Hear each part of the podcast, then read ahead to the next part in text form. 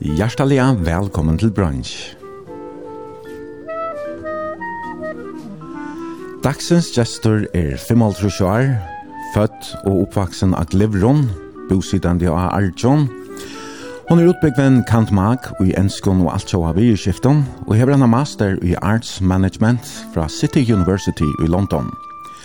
Og i løtene starvast hun som bokmentanleger, samskipare for farligt, Men den 1. januar i 2023 byrjar hun i Nudjon Starve som mentanar samskipare til Runovøkar kommuno. Velkommen til brunch, Urt Johansen. Hjertelig takk. Og i morgen så sender vi beinleis av loften og hjemme til her, her av Høttagøt og Arjun. Og ja, etter en stor stova vi fralegon utsynet. Mm. Og her borste sammen vi mannet noen Ja. Bernarde og Son og Hjalta, eisne? Hjalte, nei, han er flott til Danmarskar, men er i løtene og ferast sammen med mannen i Kambodja, Vietnam og Thailand, men eh, vi tar en annan son som heter William, og han bor så enn heimann og atja. Å ja, det er sånne tikkere. Ja. Ja, nemlig. Og Hjalte, han åtte du så. Han er moin. Ja, nemlig, nemlig. ja, hvordan gammel er William? Sier du atjan? Atjan, ja. Atjan er. Ja. Ja, og her er... Uh, utan nivan ekve tonelager i husen, mm. her er bare klaver og gittarar og stereanlegg, uh, platespillere og... Ja. det er fyllt Ja, det er så lekkert rom som det her på loften. Er det musikkrom eller... Eh, ja, det er det for så vidt. Her kan man godt uh, trekke seg til bøker og ja, venner i sin tur og er bøker, nekka bøker, og fullt av list, østene. Mm -hmm. Ja. Nekk av uh, Bajamun Øssur og annars Atlemun Øron. Og bare utsynning ut til havet, det er fantastisk. å kunne sette seg her og bare åndsgjøre og bare... Ja, det er, det er en, et virkelig lekkert rom, at man man mesjer en eller annen energi her inne, altså her høyt loftet, mm. og oppe opp til uh, upp till Kip. Mm. Ja. Det går se man.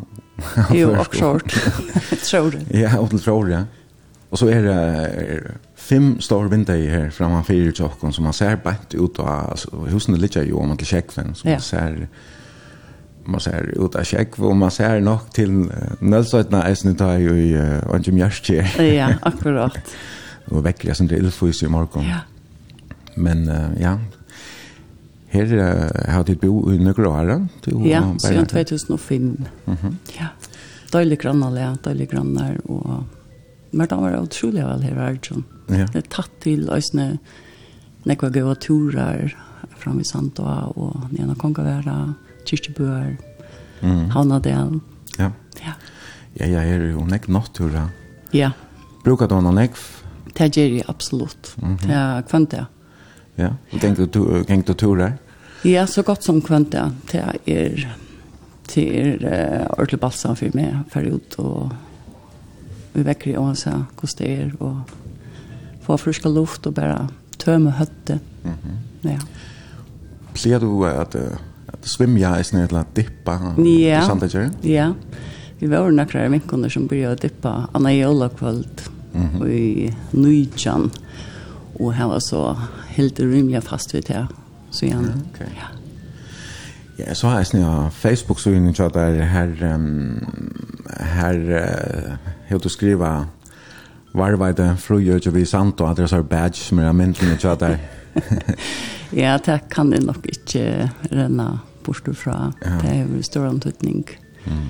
Eh, ergångt, nem ergångt til eh, som vøkker fröjer. Ja. Allt det Men, ja. Så du blir jag ganska tur här ganska långt. Ja. Tandvägen ja, ja, ja. fram vid ja. Santohan. Ja, mm -hmm. för vikna. Hvordan gong vi tog med alle noen tid av å samle underskrifter inn, og ja, det finnes ikke nekvar? Ja, jeg finner nekvar underskrifter, og men det er sånn at et, et mal som teker lenga tui, nekvar parster involvera er, og men til nekvar jo folk gongt, og vi tar ikke vi har ikke mest vøvnene, la meg si det så vis. Nei, nei, Men um, så er det eisne, um, eisne her igjen, alle minutter etter til uh, Gliversnes, uh, her er det eisne akkurat gøter, blir du av flere turer tannveien eisne? Ja, mer av fyrre nå. Mm. Um, men uh, her er absolutt eisne en, en, en døylig nattura. Ja. Ja. Ja, det er, det er som du nevnte, jeg sender ildfus i morgen. Det kan være man høyre ganske vinden, han... Um, Ja, det er nok så hyggligt. Ja. så så så är det morgen, så er det vært när vad det er, og det er vært nok heisne. Ja. När det er att. Men det gjør ju men ju hon har lätt att sitta här inne i hitan hon. Det akkurat det. Og vi har heisne en peis, som er den tre her, vi så inna och kom. Hon är hon är gott nog inte inte ordentligt. Inte äkta men hon är hon har det lika väl. Ja, ja. Jeg tror at han som jeg minnes vel fram under baden på meg, jeg halte det var i halv når det, det kom fram så peisen der. Ja, ja, ja. Så han her ser at til en av verskatland her vidt Fakna og Reindal, her hun sier at jeg hun alltid har haft en akkurat grikvo, et her fornemmelse, og tog det har akkurat lass, ikke opp, og så fann jeg seg her, 400 kroner inn i, i endernøslinje Saltengara. ok. så ända den her stående. Ja. Ja. Jeg minns denne sorgen fra, fra husen og ja lenkom, lenkom jo lenkappa min av Sante. Mm. Jeg bor her et tøyerskai, og hun er Øyla hundalig og deilig att sätta sig framför da man kom hem och kvällarna att man over ute i vant fotboll, man kom kallt och vater hem och så sätta sig framför här och tentre sig här elektriska uh, hita elementen. Ja, ja, ja. ja. Det var øyla godt, og hun alt, inntil den första eldrakningen kom, så tenkte jeg att det var alltså små smadorst, ja, ja. sluka streip, men... Um, hon var som bara tentra för det. ja, ja, och och nu är det Jose som tentra här annars, jeg var så noe här. Ja. Og du har vært uh, bæka brei i morgen. Ja. Her enkar av nybæka om... Uh, fransk brei, eller, eller brei. Uh, er at det er i akkurat familie, og jeg tror at det brei, omme brei. Omme brei? Ja, det er mm. uh, først tradisjon da vi sysna bøttene hitta, så mot hava omme brei, og det er, um, ja, jeg finner ikke folk av høysera på nakken her ikke, her er ikke øyne tjattene og jeg sprei noen. noen. Men fullt av nostalgi og ganska allmäntlig fransbröd vi som är flatta och det är det som är särskilt. Ja, det är det som ger den här strukturen att det är flatta igen. nämligen. Mm. Jag gläder mig för att smaka och här allt möjligt gott däck upp av borren och nice ni ostar och pilser och frukter och grönmete och kaffe och uh, smoothie eller juice, grönmete mm, ja, juice. Och, juice. Och, och syltetøy eh sponsorera från Goar Vinkvalla. Okay. Som är en mamma stor elev. Hon har lätt och tusen lust där borde eisne finns där som det te eller kaffe i koppen och sätter ner och och något att lötna samma hon. Det är att mm. ord hon vill alltså uppleva. Och sån där och det väl ringt tjockna för allt vi. Det får vi sån lite alltså.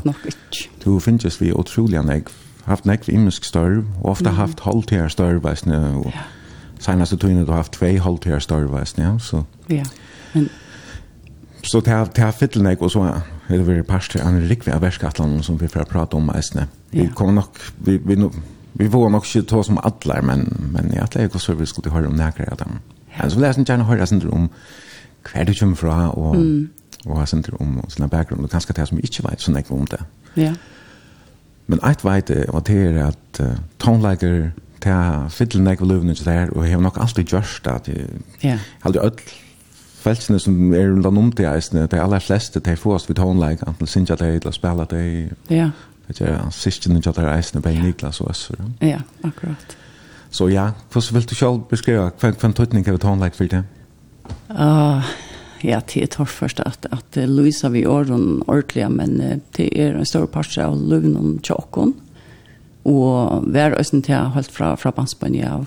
Um, vi tatt østen plattspillere, og uh, jeg har tve foreldre som de til av til løk. Eh, mamma min spalte gitar, og eh, pappa min, da han tjekka lærerskolen, så spalte han violin. Og eh, så her kom det som ganske mer av klassiske inn. Ehm og jeg minnes der hjemme ta platt og Niklas at eh, klantras om uh, få erkong til plassspilleren, men han var alltid kjøtt der inne. Ja. så, ja, han, han köpte plattor och och är jeg givte också bara hans smak. Ja. Och och så satt jeg også, også nøs så så. Ja. Ja, så det fyllt oljan jeg.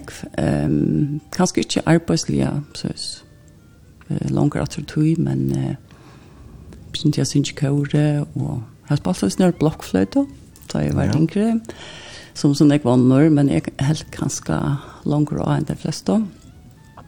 Eh, men annars er det vel sjanger, først og fremst. Ja. ja.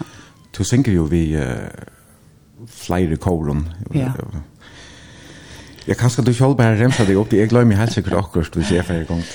Ja, altså jeg begynner vi havna kåren, tar flott til havna i 25, og så stående vi eh, Tarira, Her er vi enn, her er vi akkurat en pause nå, til hun får til sammen vi ferieløyer skal jo som er bygget på. Mm -hmm. um, så er det kamerkåre, Torsner kamerkåre, og kantabile, så kallet jeg jentekår til Paula. ja, nemlig. um, det er kår som, som poppar opp av og av, og hever prosjekter. Ja. Og så er det sånn, nødgjørskåre til det er av skrande. Mhm. Mm -hmm. Ola Sukkor onkutøy. Annars da må jeg vel ha fri fra kursen ikke akkurat da. Ta det Ola Sukkor? Ja, ja. Onkutøy skal man lusta. Ja, nemlig, ja. Ja. Det er det att man synker alt og synker sånn ikke allt og är så man ganske ska äta bruk för för fri onkutøy och og bare njuta där. Ja. Men um, du har ätna verster i utarpsendingene på Lero, ja. som uh, spiller klassisk kantonleik. Ja. Er det noe som som du alltid har haft AHA för det noe som som vært ganske vokset center så han tog det gift eller kom sammen vi Bernhard? Ja, til är jeg har haft en stor avskan av mig och det var klasskontroll ikke hjemme, Men uh, særlig at han har at jeg møtte Benny og eh, ta i les i London. Um, ja, Så jag har vi haft större av för klasskontroll och allt det otroligt stort till det. Jag nördast vid det. Mm. Om det nu skulle vara onkel Lorstär som ikke er det å fenge for Benny eller Bernard der, så er han jo tonelika større eller dirigenter til Færøy Symfoniorkestra. Ja. Og så hade det altså Bajan her Niklas Johansen og Øsser Johansen som bare er tonelskalt eisene. mhm. Men um, skriver eisene, jeg vet ikke hvordan jeg kan tonelike, men du skriver ju hvordan er och og sangtekster. Ja, egentlig har vi ikke, jeg skriver ytringer, men jeg sa det ikke som, som sangtekster, for uh, Kari Jakobsen spurte om han kunne bruke noen tekster jammer til, uh, til Tøløyk. Han er jo å gjøre, og det er helt til bare å være utrolig stått litt at, at når jeg har hørt at jeg sitter tøvner ut som jeg skriver i. Mm -hmm. ja. Og jeg minnes vel at du, um, du kjennast vidt eisne fra kvøttene, at du var ommelder jo i sendingsnivå i i nekvar og i nøkken omføren, ja. da du har haft tog.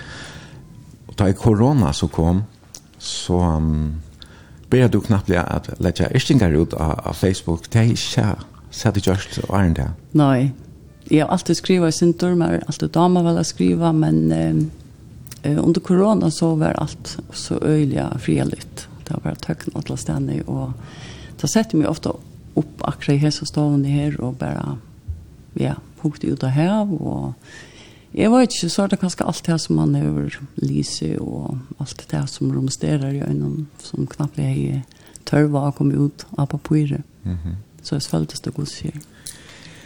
Ja, den første koronatøyen, hun sette gang til nek, nek ting som, som så eisne køyre inn. Ja. Og det var så etter dem til, så ikke at du, du gjør det fremvis. Ja. At du skriver og legger ut av av Facebook? Ja, det blir så rätt meditativt för mig. Um, det kan være att jag inte tur, jeg kom tankar om akkurat setning, eller akkurat år, akkurat hodtak som jag har hodet som at nördast det sänder vi och så sätter vi upp här och prövar att, att få den nya papper. Mm -hmm. Och det gav så ursligt, jag halte det bara i fjöra, att uh, Renkverk kom ut. Ja, ja, vi anvar fjør. Ja, och det var altså Alltså löjna som Karl Jakobsen har sett till tunna Istingar som Birda Paulsen så. Ja, det är en otroligt stortlig tillgång till och öle öle rörande för mig att uh, ta i uh, Karl först för uh, så sätter vi klaver i musikskolan och och um, spalte för mig som han lyckas som sa i sen här och jag tar rakt med på ett hjärta. Ja. ja. Det är hur så alltså stortligt att uh, att onkel annan att resonera vi onkel annan person på ja. andra matan. Som så kan snära det av och göra den här ett liv, ett nytt liv. Akkurat. Vi får höra ett lär, sätt ni sen den snä. Ja, vi ser här. Men uh, vi får börja vi um, äldre tonläge som kanske minnet ja partnerne eller kat. Yeah. Att att läsa som Tony Niklas platt jag lust efter. Ja, Ja, altså, egentlig opprunden til The Beatles, eh, som jo har fyllt okken eh, så gjerne. Eh, det er faktisk mamma okker som... Eh, hon eh, en handel, en mjøtehandel, som byrja i shoppen sammen med en vinkåne. Og så førte her sånn nyra messo, og hon eh, kjøpte en LP vid The Beatles. Og Och så igen tar att vet var det bara läst och levt. Vi älskar och Beatles. Mm. Och ja ja, till till Lucas. Och jag den. Ja ja, till pastor av av tapeten närmast. Ja, jag har tapeten.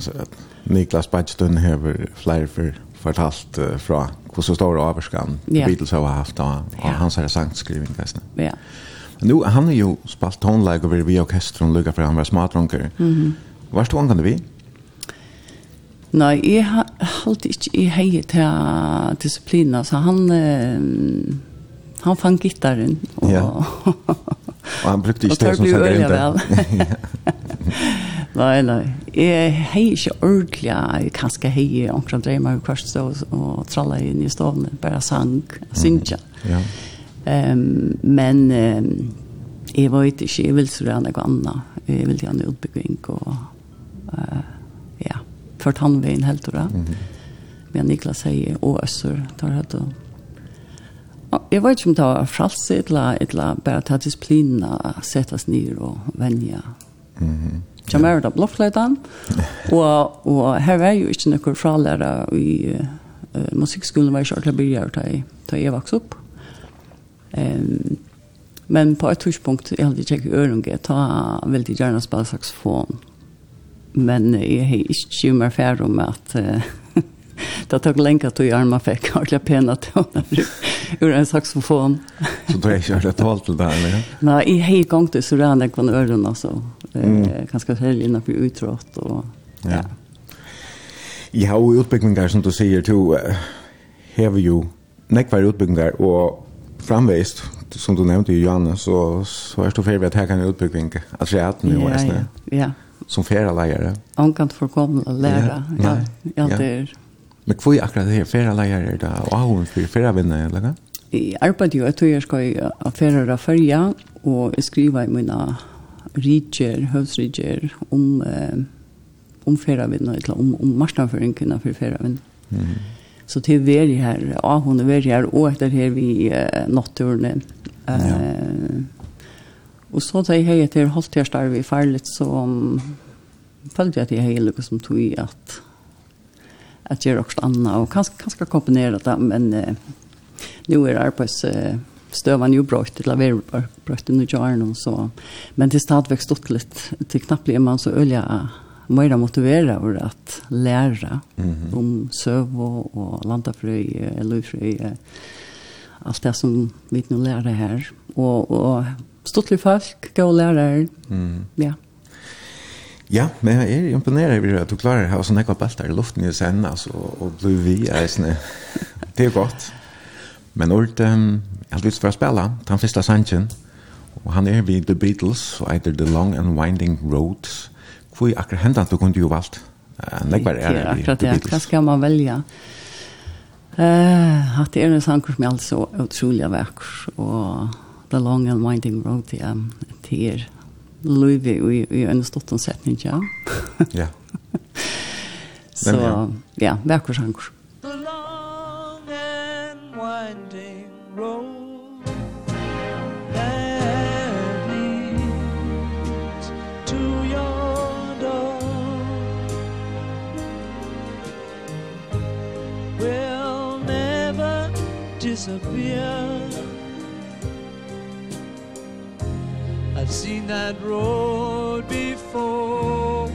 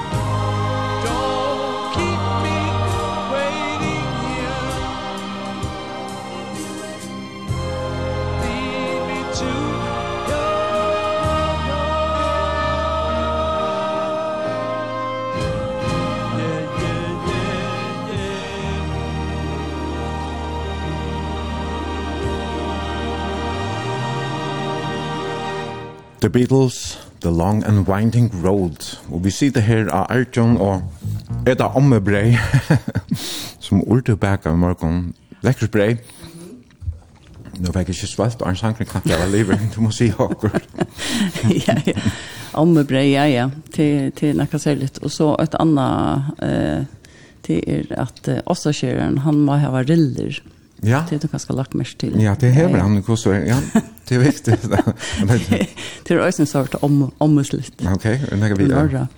Det kommer luft under östern i dag. Jeg vet ikke, jeg vet ikke. Vi vill hålla öll at det smakar bedre. Ja, ok. Ja, ja, men det smakker ju så är äckliga väl. Jag kan huxa at det er lille noen, men det er här får jag göra för nu. men ordet, um, to erst, altså, født og oppvaksen av Glivron. Ja. Det var i mars, i 1920, tror 1923. Yes. Hva kan du fortelle om um, foreldrene som er i Robatna hjemme? Uh, ja, mamma min, hon uh, er av Klivron. Hon heter Bergljott Født Hansen. Mm -hmm. Og pappa min, Dia Paule Johannesen.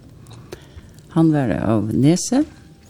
Uh, og hvis man hikker langer etter, så har vi trakker til uh, Leinar, Jan Peter Jakobsen var lenkappen, og eh, Porsche i akkurat i familiene, og fra mamma så og her er det øyre røntjer, og, men Abbe Moin, Nils Pauli, han var bøntasåner i Heimstova, men uh, jeg slett ikke av for, for bøntaløn, så han var vi til, til arkitektur og byggefrøy.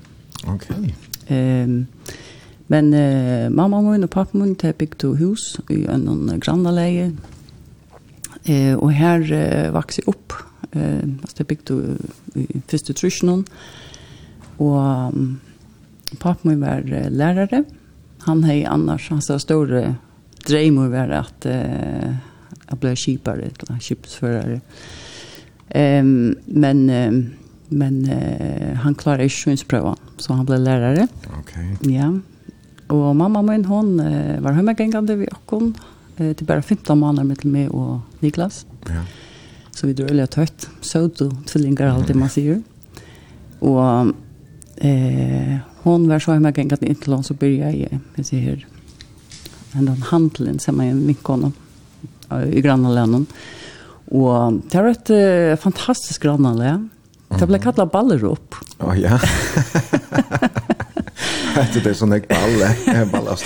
Det var ett särskilt grann att jag var rikva av onkel för äldron och så eh som byggde om samma muntia och när vad de hade varit borstor och bo i Danmark och var öll i samma alder när klunta så vi var smäckfullt av bötterna som gick i flatsch samman och Og det som kanskje også var særlig til Grannaland, det var at jeg har ommun og appa min øyne tatt på, og så tror jeg søstjen kommer min i Østene. Så innenfor en radius på akkurat 400 meter her er jeg en rikve av familie og søstene på. Og, ja. og så bor vi um, tatt til hien, altså overst oppe, og bort vi gjønna, og tatt vi fjørene, så jeg, altså minnes mig hava råkast ute allt här allt, ja. Mm -hmm. Det var smart jenta. Ja. Vi satt i inn vid min kammare. Du nämnde mamma dina, hon är en målta han till så ja. han er vinkone. Ja. Ehm um, pappa din han var bestäisen en borgarstoria. Jag tror jag ska vänta. Jo, han var lärare av Tofton. Mhm. Mm -hmm. eh så vidt opplevde han ikke som lärare själva. Eh och så blev han valgt inn i uh, kommunstyret. Jeg minns ikke akkurat nær i Forsen og noen affær. Og var her eh, nok som jeg var, og i flere før som borgerstyrer. Mm -hmm. Og det var appet du nok eisende, altså? Ja. Abbe var en, en uh, særlig type um, ølige, altså frampursen av vår, og um, sett lunch i kommunstyren, og jeg hadde 13 år som, som uh, borgerstyrer i Snøm og stå for øljanekvån utbyttingon mm -hmm. av ørsnån her inne. Ja. Um, ja. Er det noe som er smittet i av og partikken, synes jeg, av for politikk? Eller? Ja, det kan godt være. Eh, Papen min er på samme måte. Eh, av i samfunnsmalen og, og politikk, ja. Ja, det er så jeg synes. Ja, jeg er ikke aktiv i noen flott, men jeg har sannelig hov for politikk, Ja, og av hov. Løkningsvel, uh, stämt för framman. Det yeah. tänkte några av hedan om still upp. Nej. Hej det tycker jag. Nej. Såna kan bara starta du helst själv luft Nej. Nej. Men du uh, fortalte akkurat att att det är bara 15 månader med till Niklas. Mhm. Mm och han var ju stor på det så. Ja, ja. Så man kunde ju invända sig att du kanske ser något snäck upp till honom. Det är det absolut. Allt det som han är av och för det smittar jag på med. Jeg ber til at det snur seg om eh, fotbollt. Eh, på et tidspunkt så, så var det øyelig ivrig Liverpool til en Tot de alle spillerne. Eh, vi navnet og kjent ut tonløkeren. Eh, mm. Ja, det har smittet i ordentlig av. Ja. Og sånn at vi eh, spalt og nekv eh, som småbøtt, men... Eh, eh och fylltost när tar vi så blev unga åter. Mhm. Alltså det är så fyra år yngre än så han eh, han var ja, lilla barnet. Men han har nog eisen finns ju uppblåster, jag vet inte, eller ligger det bara till det kom han är ju bäge donaliv, tonläggare och tonaskald. Men jag minns det eisen han var, han var grover i fotboll. Ja, ja, ja. Mm -hmm. Han, ja, han tog till ordentligt väl. Det gjør det, men han, han uh, hekk ikke så langt ui, vet du, han fikk øyla større han uh, AH for det at uh, tekna og mala, til han lukket som tog i vår, til han. Du fortalt meg da vi pratet sammen før at en at at Øsver, han var, han var alltid nekka særlig. Det var han, en særlig perla. Ja. Eh, ja, for at jeg har holdt bygd til han, eh, de du vel at, eh, så det egna selskap. Ja. Han, eh, Och så han det här vi att han mintes otroligt väl alltså han kunde minnas nummerplattor och han kunde minnas telefonnummer och och eh och ösn fotbollsspelare. Mm -hmm. Eh allar alltså kunde nämna allar vid namn på alltså och tar en sku fotboll. Ja. Ja, så han eh, heter vi att utvarspa. Ja, okej. Ja. Ja.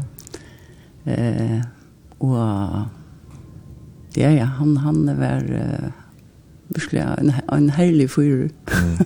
Gjør det som det som man er hod til? Ja, ja, ja. ja. Ikke sånn filter uh, imot til hvert man kan og hva man ikke kan, selv om samfunnet er pikkeløyde. Mm. Jeg har nekva stortligere opplevelser i hånden, uh, med annet. Uh, da jeg begynte å spille bass, så um, fann han på at um, jag hade lite gjerne spelat bass oppi i attachen og jag her hemma. Og så kjørte han til. det er en sånn stortlig mynd av hånden, du vet. Ja. Här han sitter attachen og spelar bass Og... och han kom som en konsert der där at attachen. Nej, bare för själva. Okej. Ja. og granna människor där runt var äldre herrar vi vi förskar hickvo och sånt var det där så tror jag. Clash ja. Og, og anker er til minnes det at det vakna opp her han eh, hei tånleggen forfran i stovene og hei funnet seg størst løret og mala i fulltrøn altså. Mm -hmm. Han var han var eh, til som han kallar i ta man depressiv. Eh, han hei perioder der han var ølja deprimerad og så løter det her han var ølja mannesker. Ja. Ja. Det er på rannet, ja. Ja. Men uh, du nevnte for meg at, uh, at han hørte bedre nå for tøyene. Ja, yeah, han hørte ordentlig godt. Mm -hmm. eh, og jeg tykker vi at eh, en større årsøk er at han teker ikke medisin. Mm -hmm. Ja. Han, eh, han har sånt vært inne ut av, av,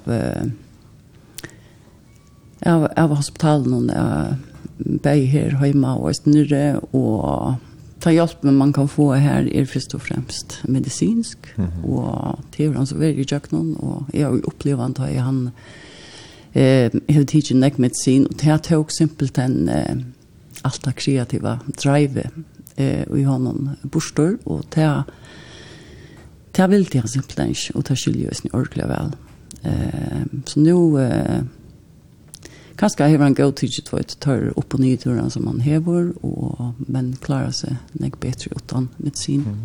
Ja. Det er jo godt. Ja, absolutt. Du fortalte jeg sånn at ja, du spalte nek ute under i fjørene. Ja. Og ja, man vet ju här näck brott här i Ronavutsen här är ganska näck av fjörn i borster og lagt under betong där. Ja. Men akkurat här lilla pette här tuppla det spela till så efter en. Det är efter en god tal lov for det. Eh vi elsker för det her. Ehm och nu är det brukt som som eh dippeplås. Ja ja. Gamla näste heimstå näste det er just om till en sort. Okej. Vi vi hittar lampon och är verkligen dåligt. Så ganska något ju mentan där skipa. Mentan där samskiparen här runt omkring kommunen ja fick ganska täcka sig väl av snö. Det tar plats nu. Jag har alltid tagit det där punkt som det är. Ja ja. Ja. ja. Men ganska då först att att dippa. Jag vill gå och dippa till mm. helt säkert. Hur svär det annars skolagången här inne hon var ju nog så uppbyggd till Jinke och skola i Saltafyrja, alt det første i årene, og så Ja, fra første til, ja, første til tre flokk i Saltafyrja, mm kort vi buss, og så fra fjøra til kjenta var det glura skole, og så framhalstalten var det i Ronavik. Ja. ja. Då hör man ofta om att i gamla dövon var läraren inte så pedagogisk och han skulle inte alltid så, eller jag fitter vid bötten, hur så var det, så det? Jeg har alltid vidt å gå og lære fire til mesta, men han som, han som har aller størst tøtning for åkken til åkker klasselærere, Jakob Ekholm, og han var en av dem som flotte i granna lærer til åkken Østene. Um, jeg har alltid bare han har en, en Og særlig flere for pedagogikk, altså her han møtte åkken her som vi var og vi ekna hatt. Um, han läste över för Jakob och vid färra oss när runt i följen vi i flatsen till eh, att möjliga understöd så sant utna och det var i Västervaven och mm, ja han tog bara skulle jag väl vid Jakob och vi var öliga öliga gå igen och han vid Jakob och jag minns ganska särskilt i här han eh, tar vi kom och trött och kallt eh måna morgon i skola. Kanske inte var så motiverad i att eh, lära så det här ta ta gärna någon löjv till bara lätt och något golv jag kan inte jackan och och så läsa så över för jag det är ju fantastiskt. Och för det färdast vi och kon eh, åtta anses nu till Gran Canaria ja. Mhm. En chartertur. Och det var han som för upp på morgonen och og gjør det morgen med at eh, og eh, all prosessen fram til tanturen her vi eh, samlet penger inn. Det blir også en gjørs på, på en særlig måte. Så her vi eh, med en annen fikk å tosker hørt fra, fra Lynfrost. Mm. og han lærte jo at det skjer er tjolker.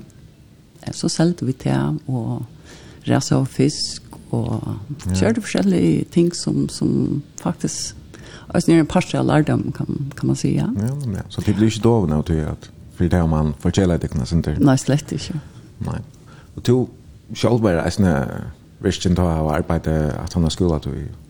Ja, alltså tuff ehm det men inte alltså jag jag har ju enkt näck tar liksom som tar först och lomma pengarna i själv vann mer.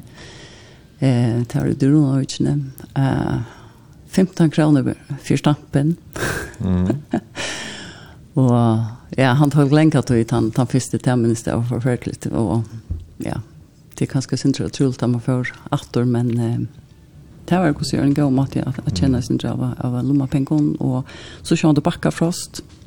Det er framlagt og silt, silt av mjøl.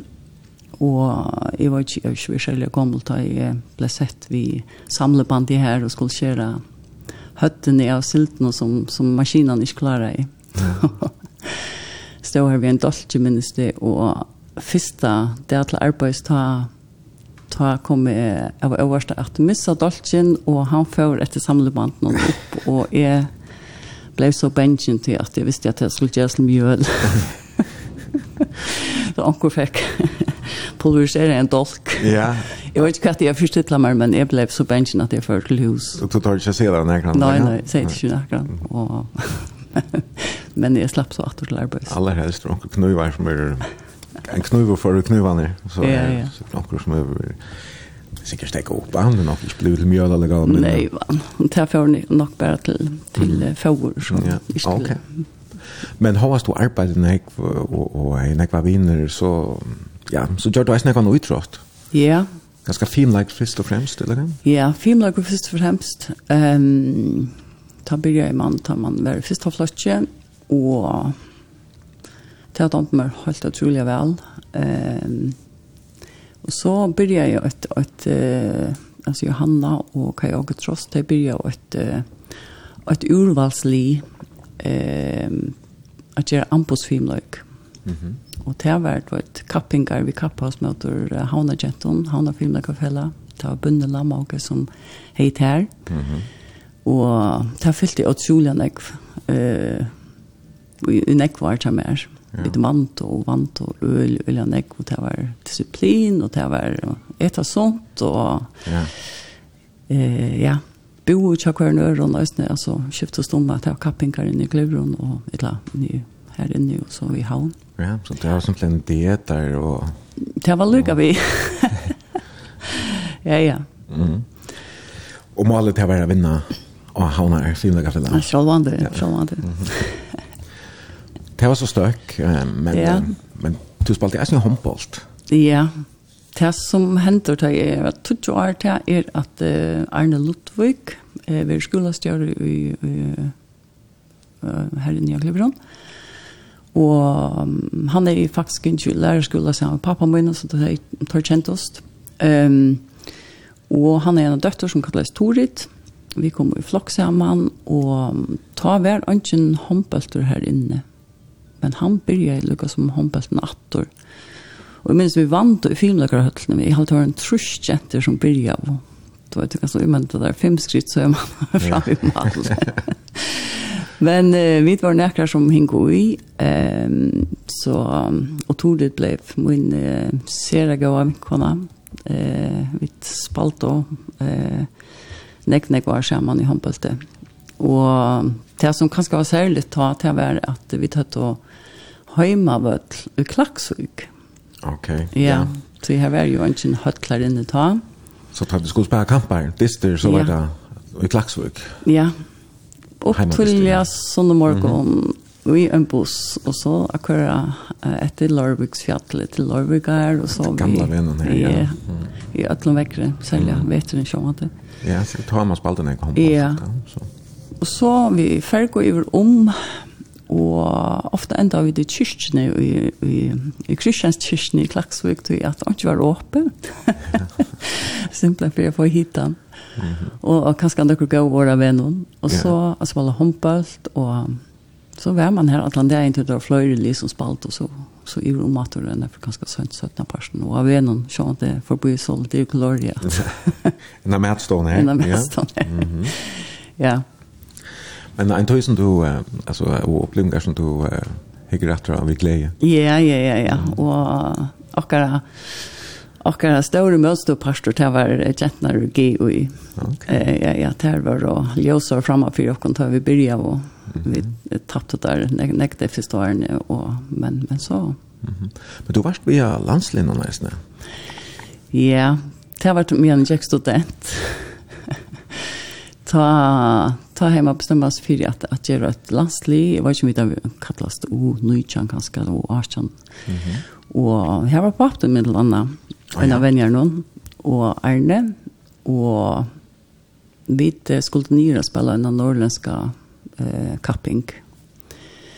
Og det var utrolig spesielt, altså. Og at det her vi var ljøsere at han fjallar hinner, altså. Jeg, Så det finnes smekk. Jeg minnes faktisk, da vi spalte med de danske damene, her middelen, ja. den legendariske Anja Andersen, hun var, og i møtstålinen, Vi tappte tredje og tro i halvt. og følte jo Falsen i høtlene, da vi endelig skåret av, det klappa av simpelthen. det er også sint. ja. ja, ja. Men det mest ikke måte illegal til... Nei, nei, nei. Mm. Og så var det kapprekving. Det, Du var en rå kapp. Kapprekving, ja. Og det var faktisk en annen gav vinkene kommer som um, byrja til til botsmannen i at det høgst til Anna Maria Gregersen mm. i grannanlennen. Og... Var det så et atterlig skifte? Ja, det var det, ja. Uh, kanskje nok stolt å fortelle at han at det er rettene som rå fram og undan okken. Vi har alltid litt stilt noen men det her som var og og er en vidt så blir jeg at det her platt og rekke ut til uh, kaffebaren, holdt det kallet. ok kjøpa seg uh, pilser, eller hva det er, gjørt og kulling, kulling og chips. og, og rå ut av fjøren, og, og mm. fikk seg en gang bita, og så en god så sa man bara cigarettröken ur, ur bakgrunden. Ja. Hette så som, ja, ja. Ja, okej, okay, man kan... Overdrivelse främmer förstås, ja, som man säger. Ja. Men, så det var, det var hugg? Det var absolut hygg, ja. Men till, till tog det Vi tog det ordentligt seriöst. Vi var alla öliga Um, alltså, väl fyra vid orka och någon annan utrott. och i rå i nökrar och vi klarar oss helt, helt väl. Ja. ja. Just om någon utrott i det annars? Jag spelade Hampus Fitness. Oh, ja. Kvann sundag morgon så torskig jag. Kvar är det allt som det? Nej, nej, det är inne i Hötlne, i Rejohötl. Okej. Okay. Ja, det är Kintel som är dyrt stil där. Mm. Så det är dejligt. Renne, syntor och styrke, styrke venn i ja. meg. Vi spalte Øystein faktisk, vi var um, ta i kvinnefabelteren byrja i her inne, ta var i Øystein vi i Tullinon, og det var en enskur uh, venjare tja, tja mannfelka doltene, altså best doltene her inne som kattleis Ingen Salter, og han fikk så til, for han sera kjelig oppgavene at skulle vennja kvinner, og han han tog ikke så ikke nekra årsøk til hva, hva kvinner skulle gjøre enn fotballsvøtel. Mm -hmm. så han, han platte bare at smita nekra keiler av banan, og så kunne vi annars finne det ut. Men eh, her kom så tvær ære venner vi, et var yngre, og, og vi funnet faktisk eh, til, til kappingsene, til okay. første kappingsene. vi vet ikke hva vi var og U16 eller mm. Jenter 16 eller 18, jeg minns ikke ordentlig. Men jeg klarer ikke noe øye vel. Jeg har alltid at en normal støk på tjej, tror jeg, tvei eller noe. Ja, ok. ja, det er ganske ting som man ikke visste, visste om det. Nei, nei, ja. Du vet ikke, vi utrådt. Ja. Og fremme i 16. Jeg synes det. Og det er særlig vi utrådte ta i togene til at man, man ferdes jo øye nek for mm. giste kanskje i sore, ja. eh, høyma tja, tja privatfølge og man var vekk i, i lenka av dier, og det var, du vet, Ikke for eldre. Det var ordentlig opplevinger da man skulle ut ja, og ja, ja. spille, ja. Det var noe særlig alt. Ja, helt sikkert. Det her er det, så kallar man det, nåle stykke operasjoner, altså at du nekv færa bilen kvar så här. Ja, ja, ja. Ut av byggt, spelade ja. och hemma efter föräldrarna kvar efter fram og så. Ja. Og så hatt av et hem. Ja. Men, men det flest, fleste setter det nok i samband vid sang og tonelike og Ja. For jeg venter alltid til Ischingene her, og ommedøyene, ja. som du fortalte meg, er alltid var hjemme, men ja. appen, han, han var på borgerstørre, og mm -hmm. arkitekt, og landsverk, og hei, henne, vi hadde eldre noen. Så var hun ganske, han tredje basen her hjemme, her, men alltid kunne fære, fære inn, og, og ja. det var her. Ja, ja, ja. Hon, hon var lærmen, og hun satt alltid i samme sted i køkken, og være så utrolig rymlig og høyte personer. Og, ja, så her var nek lov i, i husen her, og sikkert på at vi det skal være vi kjøttst om at så var kjønne. Og, men selv om hun ikke fikk forska seg eh, fysisk, så var det utrolig forviden, og, og domte vel ta i hvite eh, løs og leksjer for henne. Jo sjøboken og så, så hun ja, var praktfullt menneske som har haft större tydning för oss til halvtid ja. sista bøttene. Och en av ischtinknum till skriva i mm. under corona och som är av flövna rankverk som ja. Kari Jakobsen har gjort löt til, og Birda Poulsen synger, han är det väl i badnaskekvar. Ja. Ja, kan du kanske fortälja akkurat vad det är för mynter du Ja. Så det är det huxa ju, det du.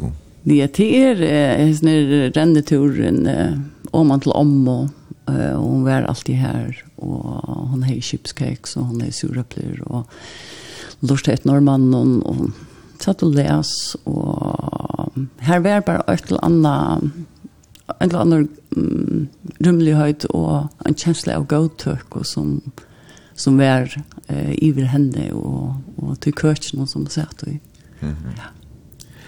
Ja, men alltid vi skulle höra ner. Ja. Og det er altså Karl Jakobsen som spiller klaveren ja. Og Birda Paulsen som synger. Ja. Valsikna i Batnaskekvar.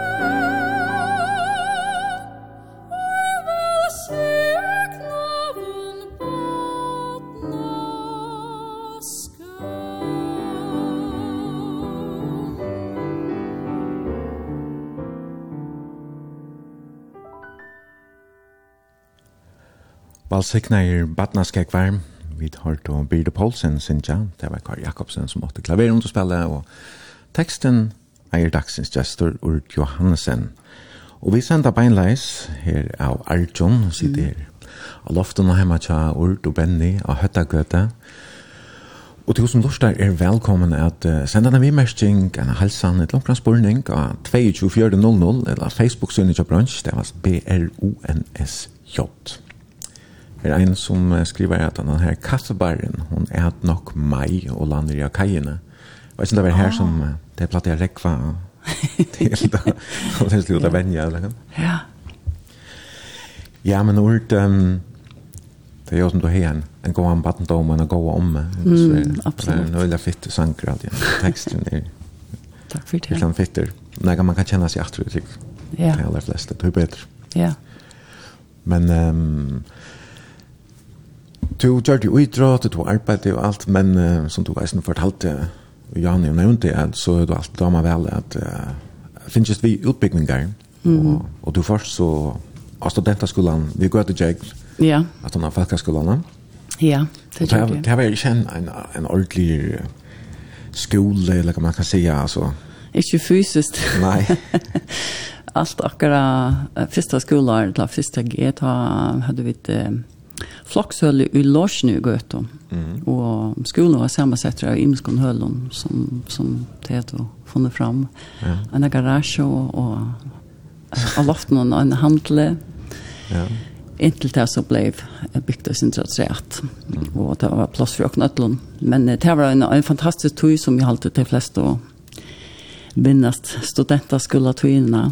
Her hendte jo nekv. Mm Eh och, och så var man onkel i Estrøyten i först någon där var ju något speciellt. Ja. Jo, ehm jag stod jo oppvaksen av av Glivron. Glivra bio, det var ju Ja, för sure. En meetable ta i forsen om. Absolut. Här har vi eh trackande neckfett. Bäge vi begraf någon är och Torit var öljan neck i begraf och och och det filmen men så var det sånt just en dansor. Och Ja, så här här um, Niklas platte spela ganska eller kan Ja, ja, och så ehm så ja. Man checkar på någon has has kvalt till sån kväll. ja. Får det ofta till haunar resten? Eh, mer dom till själv eller för haunar. Eh, eh tar ett land av teologen natur de du alla för diskotek och heter knappt så gott i i valstakt det glöra bil. men eh, men det var en en det har ju ju knappt för att hålla ta. Det var en länge tur men men vi det förra vi kvarst det gjorde vi. Ja. Och heter det vi att Eh vart det das glöra bi så vart det fra Stronton, etla Øyrabakka, etla Fuglafyre, så ta en køyring og Ja, ja. Eh, så var det onkelskolen som skulle være privatsjåfør? Det var det. Og, og det, det som velst om det var at jeg kjenner nummerplater og vite ah, ja. førløkker som... Eh, hva man kunne preie? Ja, hva man kunne preie og slippe vi um, utan at uh, vi kommer kanskje hei trusskittla.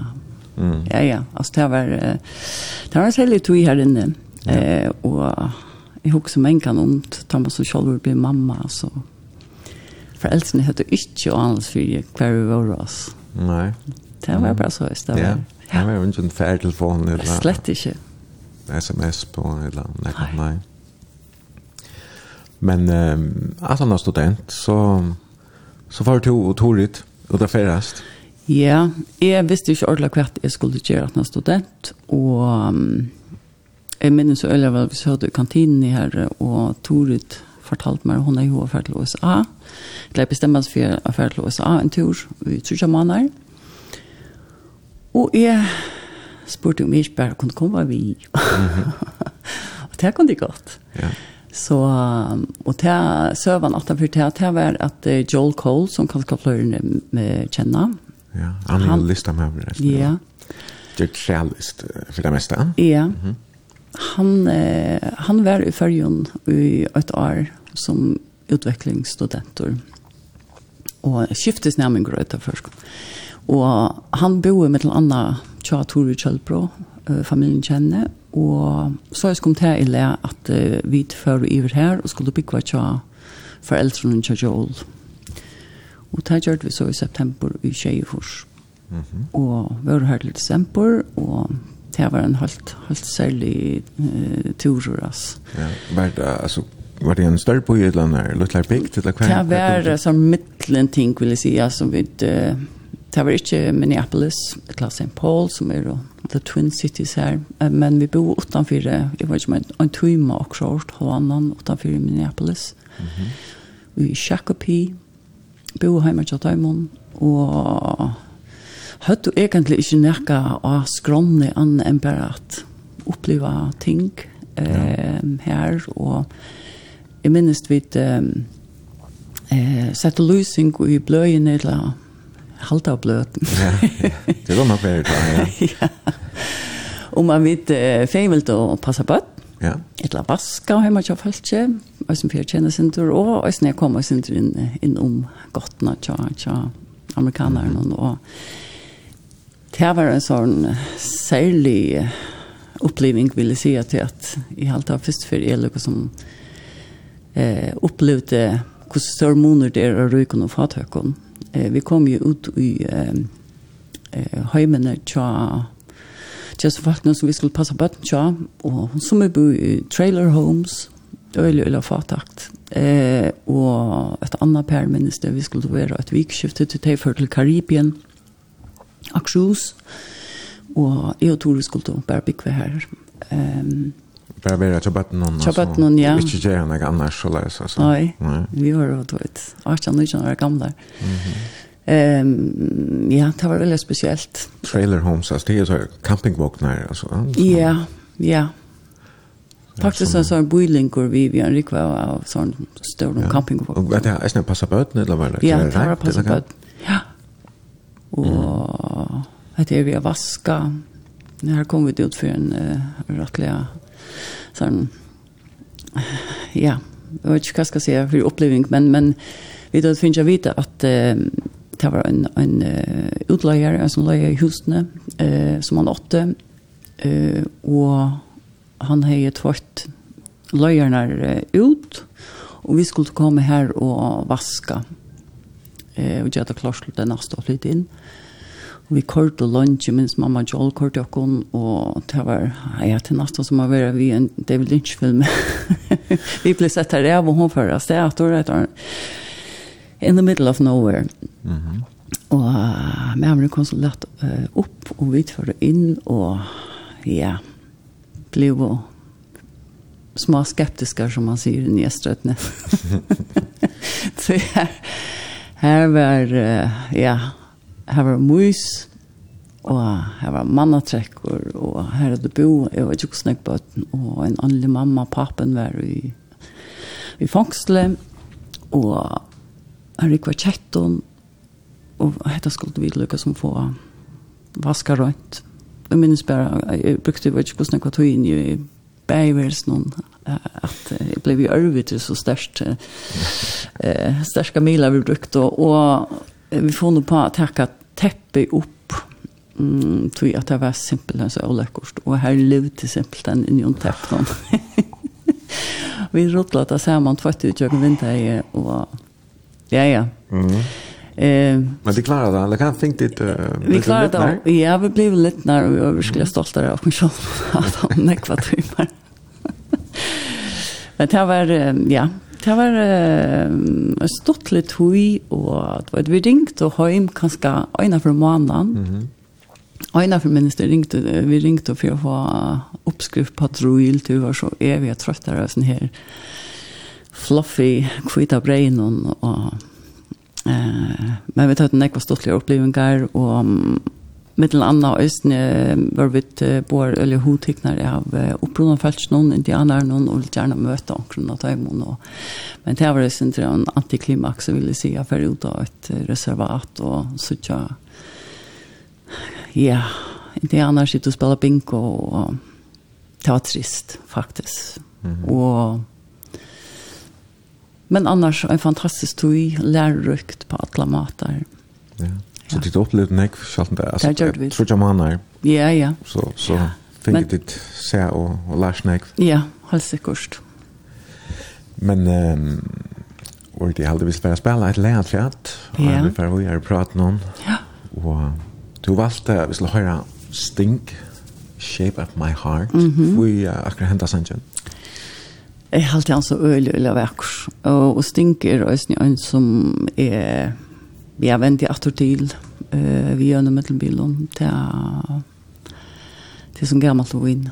Eh eller verkschankor och jag har hörst alltså madam du eller all polis där rung Og, og, så tar jeg för skål og vi har bäj hörst polis og jeg har hørt sting live i London.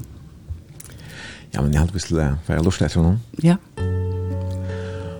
Og så kan jeg lukke eisene med nå at vi sender altså beinleis, og to som lurer er velkomne. Sender en halsan, en vimmersing, en lukkran spurning av 22400, Etla ferien av Facebook-synet til brunch, stavast B-R-O-N-S-J. Her er det stink, Shape of My Heart.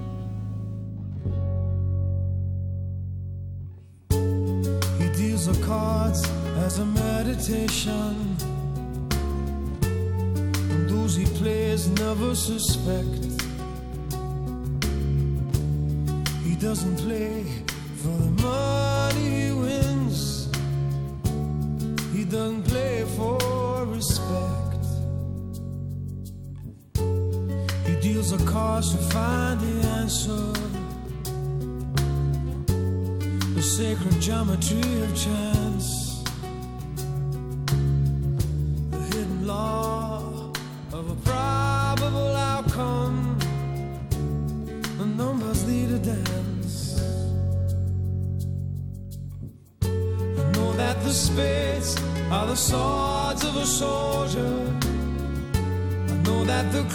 the weapons of war.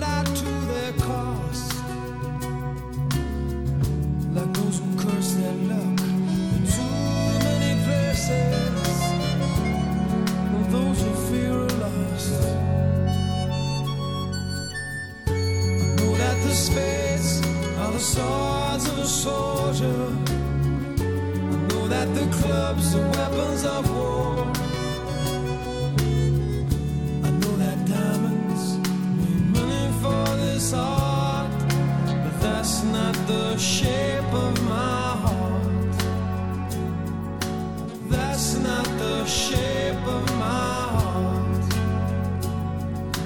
That's not the shape Shape of my heart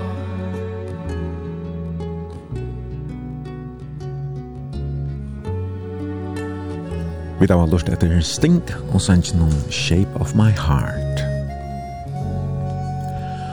Og det er Ord Johansen som er gestor brunch i morgon og vil tonleggen, og vi sender beinleis av Arjun. Vi sitter av loften og heima tja Ord og Benny, av Høttagøte, her av Arjun, en sånn nesten hemmelig gøte, hvis man ikke vet hun er så, så kører man alltid fram vi. Ja. Hun er liksom, så, mittelen tvei hus, så er det en sånn yeah. smelle vever inn. Men vi sitter her en loften hon her ekvelig hona litt, og lekkert veldekka bor vi ommebreie, og osten og pilsen og kaffe og juice og alt mulig godt. Og jeg hadde at vekkere ser ut til, for jeg kjekka seg lusen bedre, nå sutja vi den elsøytene her. Vi har en fralukt utsyn her.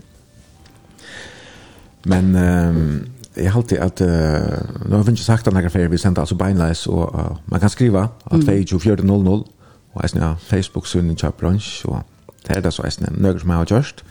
Vi får vente alltid til det, om man har løt det.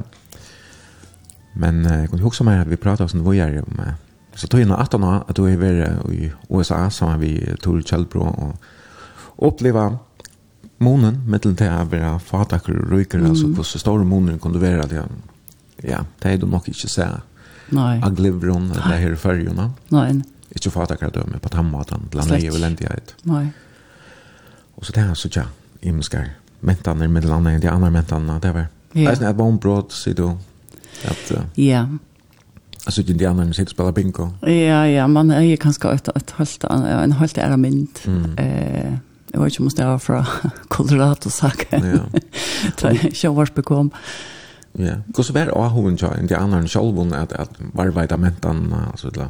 Ni det var ösn i ett år som som en check upp för mer ta till att uh, Papa Joel var uh, skolastjorde och Herjink och eh några jenter i skola alltså upprona folk. Och han har ju gjort en möjlighet att kunna möta Taimon och jag minns att uh, de hadde som politik här av skolan att de kunde lära att ta upprona mål eh men tar vi ta så i så jättnar så så att det där att här här tog vi inte ut till på någon till där vill då gärna bara vara som atliner. Mhm. Eh och ta vi så bara att vet att vi vi först inte fasthalta fast ju i i ankron som vi talta det är bättre för dig men men så så att det är inte nödvändigtvis själva. Nej, ofta inte i stövna men kanske 18 år. Ja, 18 år där kanske att vet. Ja spettla att man missar det. ja. Særlig at man er unker så, så vil ja. man helst inte ganska stinka ut. Og, ja, man vil være smutt hinna. Ja, ja. Men, ja. men ok, de kom så atter til Vi kom åter till gång, ja. ja. men eh, klart, det, det var ikke lenge så, så flott du så til Danmark her. Ja, jeg flyttade på ett nyår og til Aalborg. Här mm. är, började jag läsa. Jag visste jeg skulle gjøre også innenfor mål. Og Ja, men for, du var nere i januar i 84, så? Ja. Så det var stort at han hadde kommet etter ur USA. Ja. ja. Og hva, men du ber jo ikke lese for i august. Nei, jeg arbeidde til en familie. Um, Føreskar, danskar? Nei, danskar, mm -hmm. ja. Uh, de hadde en handel, og jeg sier meg i sin drev av klævån som eh, tankona selte jo i handelen og vaska i tjata om tjata. Okay, så du sier meg, du er ikke sier meg. Att han har som du har lagt till motorhandeln som mamma till nära. Nej, slett. Det har bara, jag säger mig ju kvart mina egna kläder. Det var ung. Ja, ja. Cool. så här arbetar jag sin tur och men så att han har sommarferien så börjar jag läsa två måsliga korrespondent i franskon och enskon. Um, men det var ulle av kött grøtt for meg at jeg var, jeg var ikke korrespondent. Jeg ville gjerne nakke mer. Mm Og her var um, en, utbyg, ja, en utbyggning hvor eh, byrjar i Aalborg, stort og æren til. Eh, her man kunne til kan, kan bak og i øyne male, og det var så engst vi måtte vi komme til, og så var det alt kjøy vi skifter. Mm -hmm. Og alt kjøy vi skifter femte om eh, mer samfunnsfrøylig fag, altså politikk og samskifte. Eh, ja. Mm -hmm og ikke, ikke rette om eh, nødvendigvis til å skulle undervise, men kanskje mer om at du private vindeløvene. Ok, ja. Ja. Så da har du vært hva, midt i tjonen? Ja, først i tjonen, ja, midt i tjonen, ja. Først i tjonen da du var nye, og mm. det var lige jo 94, så? Ja. Kant Mag? Ja. Hette var så eisne, hva tog jeg skal jeg her, du møtte um, pappa Hjalta? Ja. Som er danskare? Ja. Mhm. Mm Karl. Ja, hvordan møttes dit? Vi møttes av kollegene her som eh, vi begge bo. Vi bor mest av Jørnsens vei. Mm -hmm. så han eh, lærte til skårøktere. Eller byrja jeg lære til skårøktere. Han tok eh, eh, student eh ta i hyttan og och ta att lära till skolrektorn mest at man skulle gå i skola i Nødebo, som er norra for Hillerød. Så vi flyttet til Kjelland, og ja, det var holdt, holdt av skola og så holdt av um, i praktikk ångstene, ute her som det var en skover. Så vi flyttet øyne rundt eh, til helt små bygder i, i Danmark. Eh, I åtte så Hjalta i september 94, og klarar jeg akkurat att lätta mina ryger in en av vik och arn i ok. Okej. Vad skriver du om? Jeg skriver om, om um, marsnaføring av, av följen innanför ferie vi nu. Okej. Ja. Så långt ta. Ja. Fyra fems. Ja. Jag var intresserad i det som tann ryger snus om det var ganska mer att målslige, Alltså det enska. Det semantiska ut og tutningen av av hos man luste följer. Ja. Ja. Okay. Men så då var det 26 då ja. läs mamma. Ja.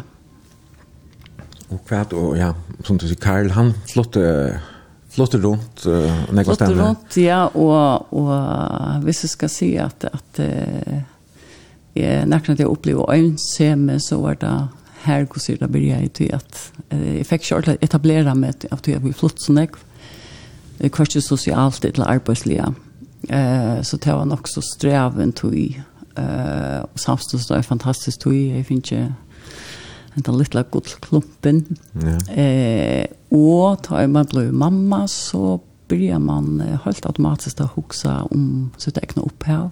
Ja. Kvar man själv har finns ju i böjne.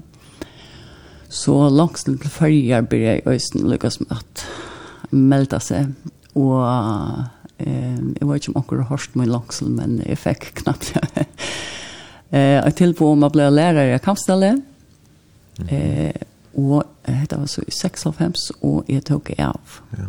Eh, ta var forholdet til mer og papan. Eh, lukka som rundt ut santen, og...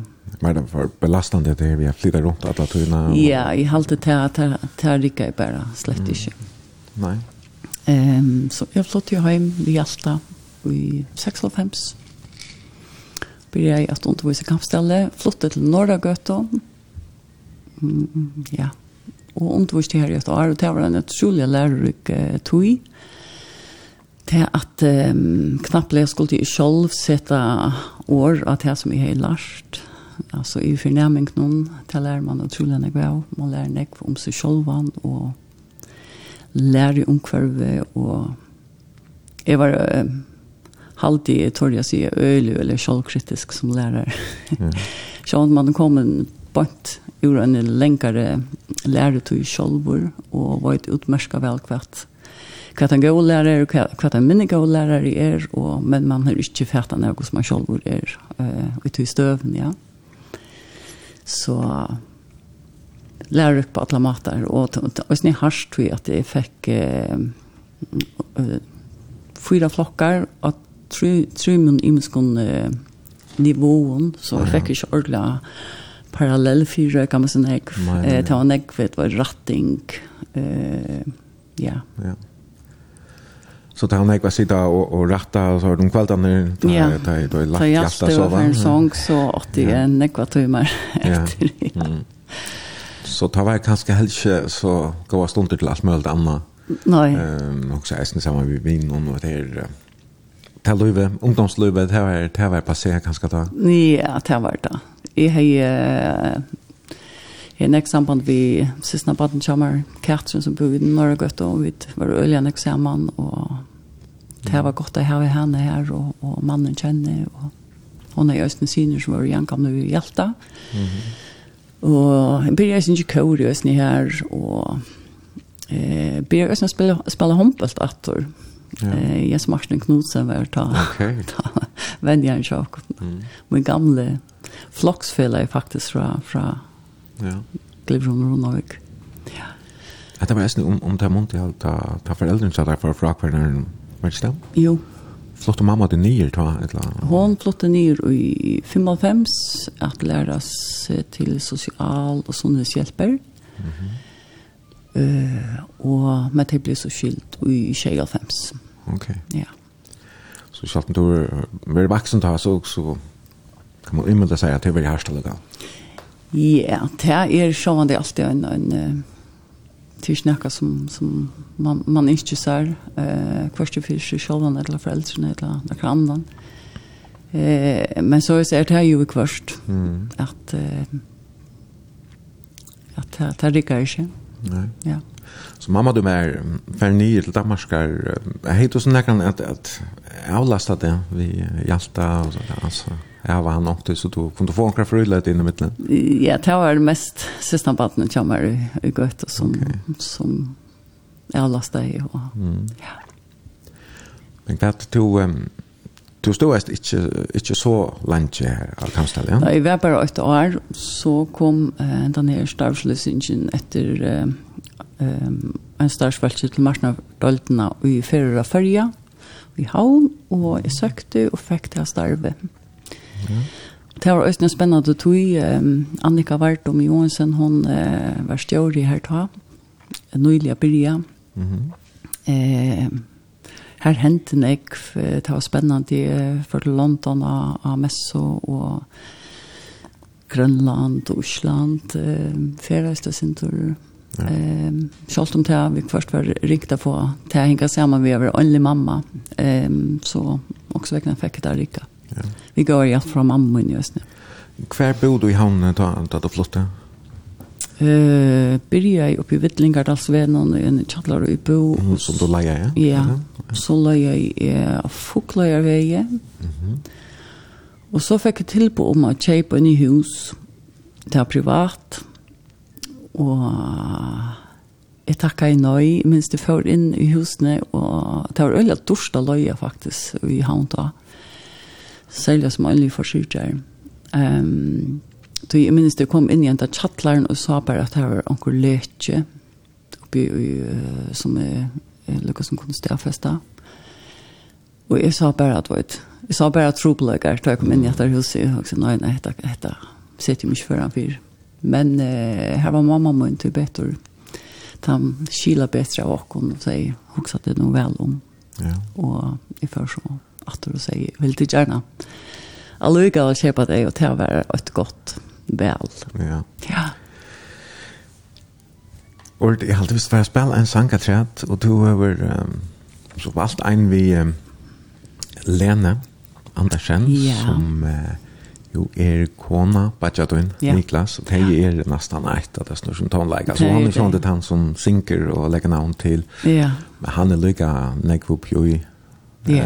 Och när kom för. Is nu kommer jag ta att lära för henne hon kör ju Essen Sanchez Scholl. Ja ja ja ja och texten är ju minst. Ja, nämligen. Ja. Men ehm men du så valt och efter här kom du valt Olja Nekvar. Du valt att vi skulle höra Sanchez This Life. Ja. Kvui akkurat hentan, rækar han okst. Ja, han rækar okst, og, og ta i hukti etter de sangnum som jeg valgt, så er, er at, altså, mer i ro ut av melankolska. Det var ju bara vikenga. Det är säkert väckre som kör det. Ja, han räcker omkring mer hjärtastrång. Ja. Och i mer akkurat som sangren verk alltid så otroligt vacker. Och instrumenteringen som vi har på. Och, mm. och hotten och... Ja, ja. pura samt mhm. Vi tar her här Lenny Andersen och Sanjin This Life.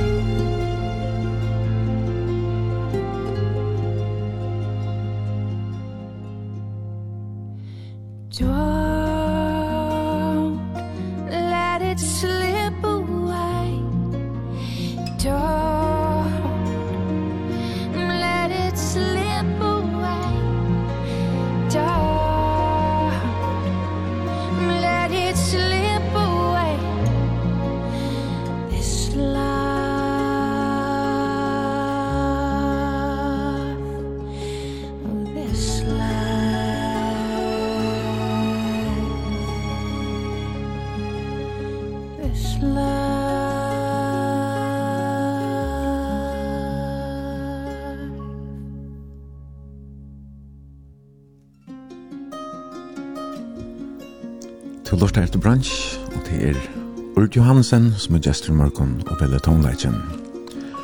Og til som lortar er velkommen å sende en bimersing, en halsan, et langkran spurning, og 2400 eller Facebook-synet til brunch. Væker sanker, ja. This yeah. life, vi Leno Andersen. Og det er jo døra barst, og nu kommer jeg også om uh, din, som uh, får falt fra. Ja. For ikke så lenge løs igjen. Til mai. Mai mann jo er ja. Det er sånn ikke at jeg, du hukser om det, jeg vet ikke hva jeg kommer hukse om. Ja, ja, ja. Ja, ja hos hvordan stått og, og vi bryr ikke etter løyve av folten er, egentlig. Mm. Og hos vi da jeg setter prus på det. Nemlig, ja. Ja. Jeg må si, jeg har alltid finnet vel på styrer. Altså, vi har hørt nek vi er til, og røyla nek etter, spør ikke rundt nek vi nå er. Jeg prater om, men jeg husker jeg lukka at uh, vi må jo ta oss sindre om, om da du møtte mannen til noen, Benny, mm. og um, det var i 2005, at du begynte som um, samskipare av marsnærdeltene, ja. sjåfører av noen, ja. flottet til Havna her, ja Ja, när mötte du honom var det var det inte om kan monte eller när jag var där. Nej, det är några år så satt nu ta med ner på det förra någon. Ehm här var några ting som som hänt då i Lundhammer med men jag arbetade förra någon så blir det sin Johanna Körnon. Och det fikk større tøytning for meg. Eh, jeg kom under vansjen av Kjallaj Hatton. Ehm her hente nek spennande við uh, Shiba for uh, North Atlantic Choir Festival og um, Eva Samsjøberg av Tui festivalene ta en åre. Og her fikk jeg lukka som uh, blå på tonna at kjer akkurat møyra vi vi tannparsten at, at uh, Shiba 4 og ehm Og et annet som også hendte til var at uh, jeg minnes det mener seg og arbeidet en dag inne så ikke eh, lysing Her Dorita Holm, som silte rundt vi salk og bølk og ja. rundt om eh, jørknetten, lurte etter følge at eh, kom ved seg. Okay. Og jeg var bøyna ved hukt. ja. Det er spennende.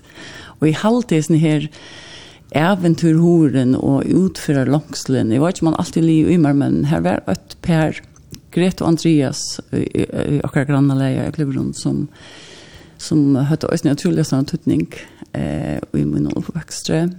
Eh, og jeg minnes det så øyelig vel at eh, tatt jeg flott til Klubberund, jeg følte akkurat som at at heimeren ble større. Eh, de kom og, og uh, vurste okkon eh, Jeg, jeg minnes da en, en løte her, vi da sitter i hukta til film, her teia ferast, eh, i Portugal og i Peru. Og jeg som liten jenta, du vet, vi, vi at vi med trikkelen som jeg har trakk og i eh, jeg har sagt hvordan, hvordan fantastisk han var så så fikk jeg knappt disse kjensene av herre god, altså verden er så stor. Hun er så fantastisk. Mm. Eh, så akkurat spyrer jeg i meg eh, herfra.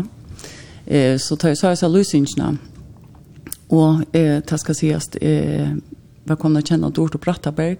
Ehm ta kände henne från fyrre, Jøkken Tordit akkurat fellagsvinkene fällagsvinkorna. Hon bor i Havn och jag skrev ett eller annat på skulle i ikke fære? Ja. Cykla vid Dort Holm. ja. och um, Det var lite så värre att, att hun var sånn de holdt vi på det. Mm. Eh, allt är klar till äventyr och. Eh, Eh og vi tar en ära Doris da, Johansen som ösnen är helt ärlig och øyelig spennende. Hun har silt eh, näck för Og ehm Jeg husker at, at det har forstått at silt den største tøynen eh, tilfølger til jeg dårlig kom hjemme eh, vi salg og valg. Og jeg husker at vi kunne fære fra Isle of Sky til Nordra og så til følger. Um, det som så hendte til å være at jeg var jo enlig mamma og til å sjalte rikka i. Mm. Og akkurat han tog rikka i ikke for meg. Men det er for alle sted. Mm -hmm. Og det var lykka som eh, byrjanen på et, et lengt vinarlig eh, som vi tar var en tandé i det. Til at øyne færre fra åkken.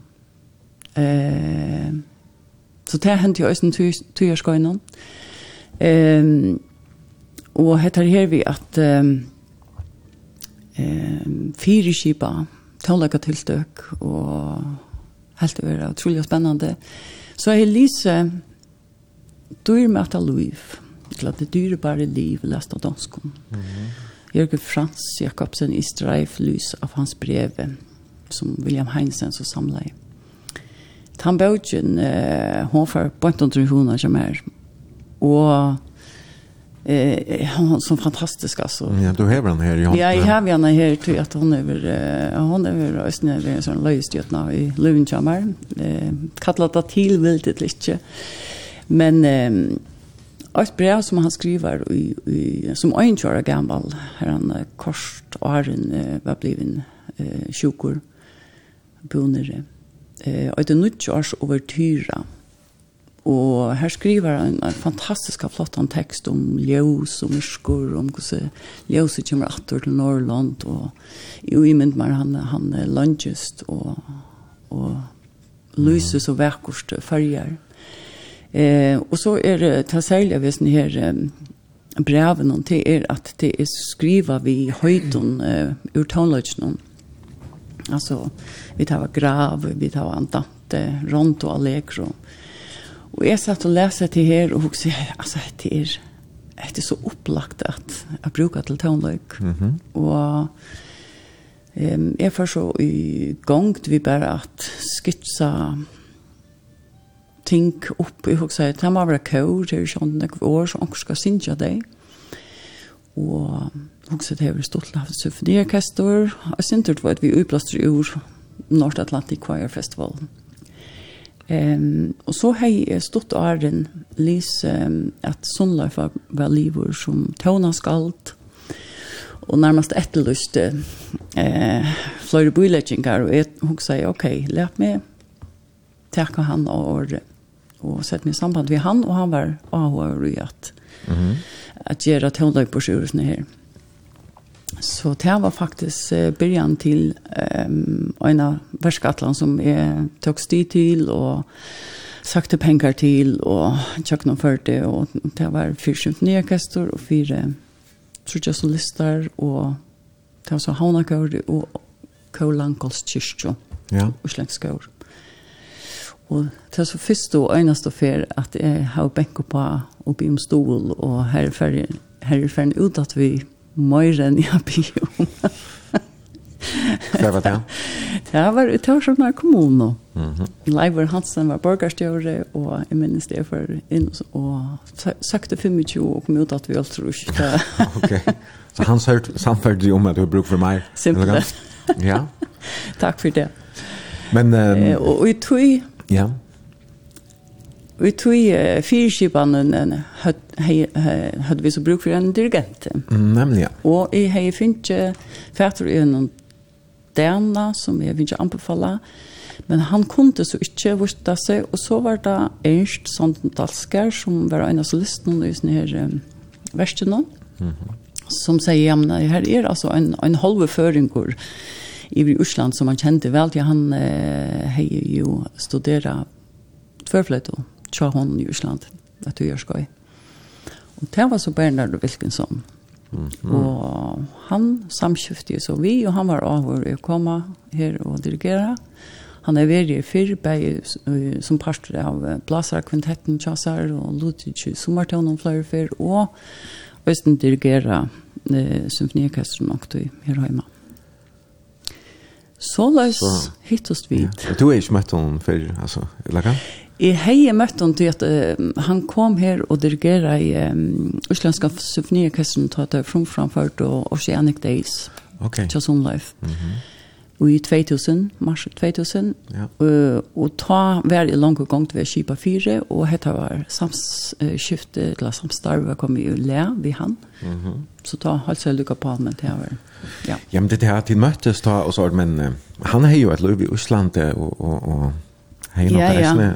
The long and winding road yeah. to your door. Nemlig, ja. Ja, ja. Ja. Det var jag sen till efter och fram och så men han ända ju ja, att slita till till färja och och och blev dirigent där till färja symfoniorkester alltså vet jag tror inte att att han flott här. Ja, han kom, han flott flyttade sig til för han har ju et, et öliga rykt arbeidsliv i Osland, han var assisterende dirigentor dirigentör eh symfoniorkestern her, og undervisste og dirigere i koron och hejen uragjere, Mm. Ja. Kanske för nek. uh, men uh, ja. Men i midlertid så flytte jeg til London og takket meg og ser utbyggvinnsene. Mm -hmm. Ja, så her, her Jinko nøkker år Ja.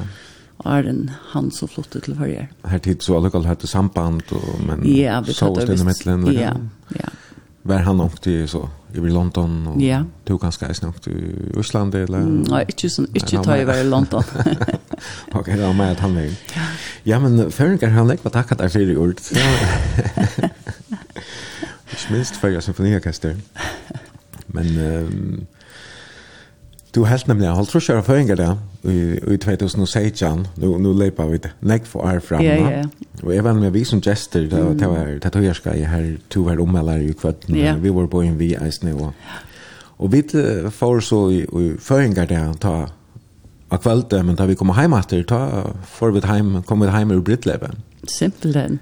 det var et, Ett överraskelse som ungen har Justin hade alltid. Det var lika det allra närmaste ganska. Det tar helt öle för inte en gång mamma mun visst jag. Nej. Hon blev ordentligt skälka hon var det bättre för en katt. Ja. Ja. var stort. Alltså är hej Lucas som är sin trosk vi kvörst och jeg har sagt att uh, hvis jeg skulle giftas så skulle det vara Arne blev allt trosk alltså annars kunde det akkurat samma gjøre det är så samme. Så av mine føringer det er 14. mars. Ta gift oss vidt. Ja. Og i hei atle at at gjør okkur ta, men uh, atur til mina kære vinkon dort og Brattaberg kom var etla sjuk ta, så det bærer en stil, uh, og er ikke så finner det av, ok, når, når kan du komme? Og så ble det i mai, og jeg husker, ok, jeg feirte uh, halvsjøføringer det en tjammer. Mm og hun var den första at att köpa biljett och komma. Tyvärr kom så ikke, men, men eh, jag hälsade henne för en gardein och det var synter Jeg synes det underligt til at, vet, eh, folk, altså, jeg var jo sentrum her, og folk kom jo gavet til min. ja, men når var det, altså, de, når var det de var ble gift? 14. mars. Så, så det var mer enn en måned, det var helt det hemmelig i, i Ja, fra mars til mai. Ja, tvei måneder. Og i atla i ångene, vi skulle ikke halte noe brytlopp. Det var slett ikke atlanen, men jeg ville gjerne feire gang. Og atter her, jeg miste jo Tori Ludvig, hun var bare 48 døgn da jeg krabba meg inn. Og jeg minnes så øyelig vel, eh, pratet vi mannen kjønne, som sier, hvis det nærker eh, i enkring så er det at vi ikke har eh, haft flere varsler. Mm og du følt ikke høve at møte sammen til, til uh, stortlig høve. Mm. Og det er lykka som hoksa i syndrom snakker, først hva jeg gjøre en stor varsel og bjøy og ikke godsnek, men flere hundre Ja, du, du leier i aulene, og, ja. i studentaskolen, ja. i høyden. Ja. Jeg var nek folk. Her var nek folk og syv Gunnar Støtte, min kære vinkona, ja. eh, i Norrland, hvis hun var borstjør, og ja. vi hjelpte vi til. Og, det var så godt, vel? Ja. Um, godt underhold, god tonelager. Og, ja, ja. Og så knappt, jeg så, ja, nå skulle vi så en film.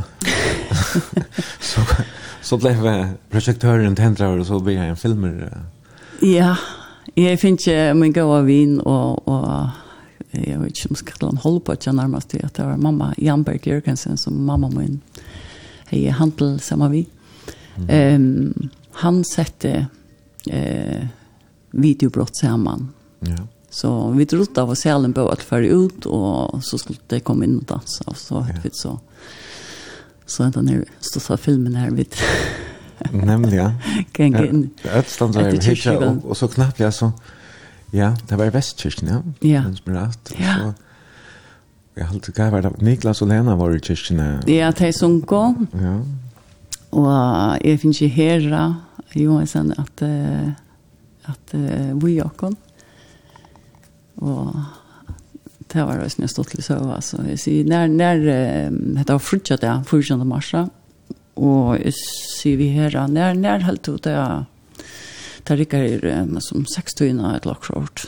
Ja, nå er det lett å si at han har tøyene. At han har tøyene klokken seks, så det var et tøver. Ikke reellig har tøyene litt, men, men allukka. Ja, det var et, et størst ivrelse, og stemningen han, han pigger her, og i vesten, altså, ja. da jo ta ju det gick upp för att just någon vad det var vi var vittnen till vad det var för jag vi var bojen till. Vi var like han ja han var så stått lite att on ehm ja verkligen var fantastiskt ja. Ja men ja. det var en fantastisk varsla.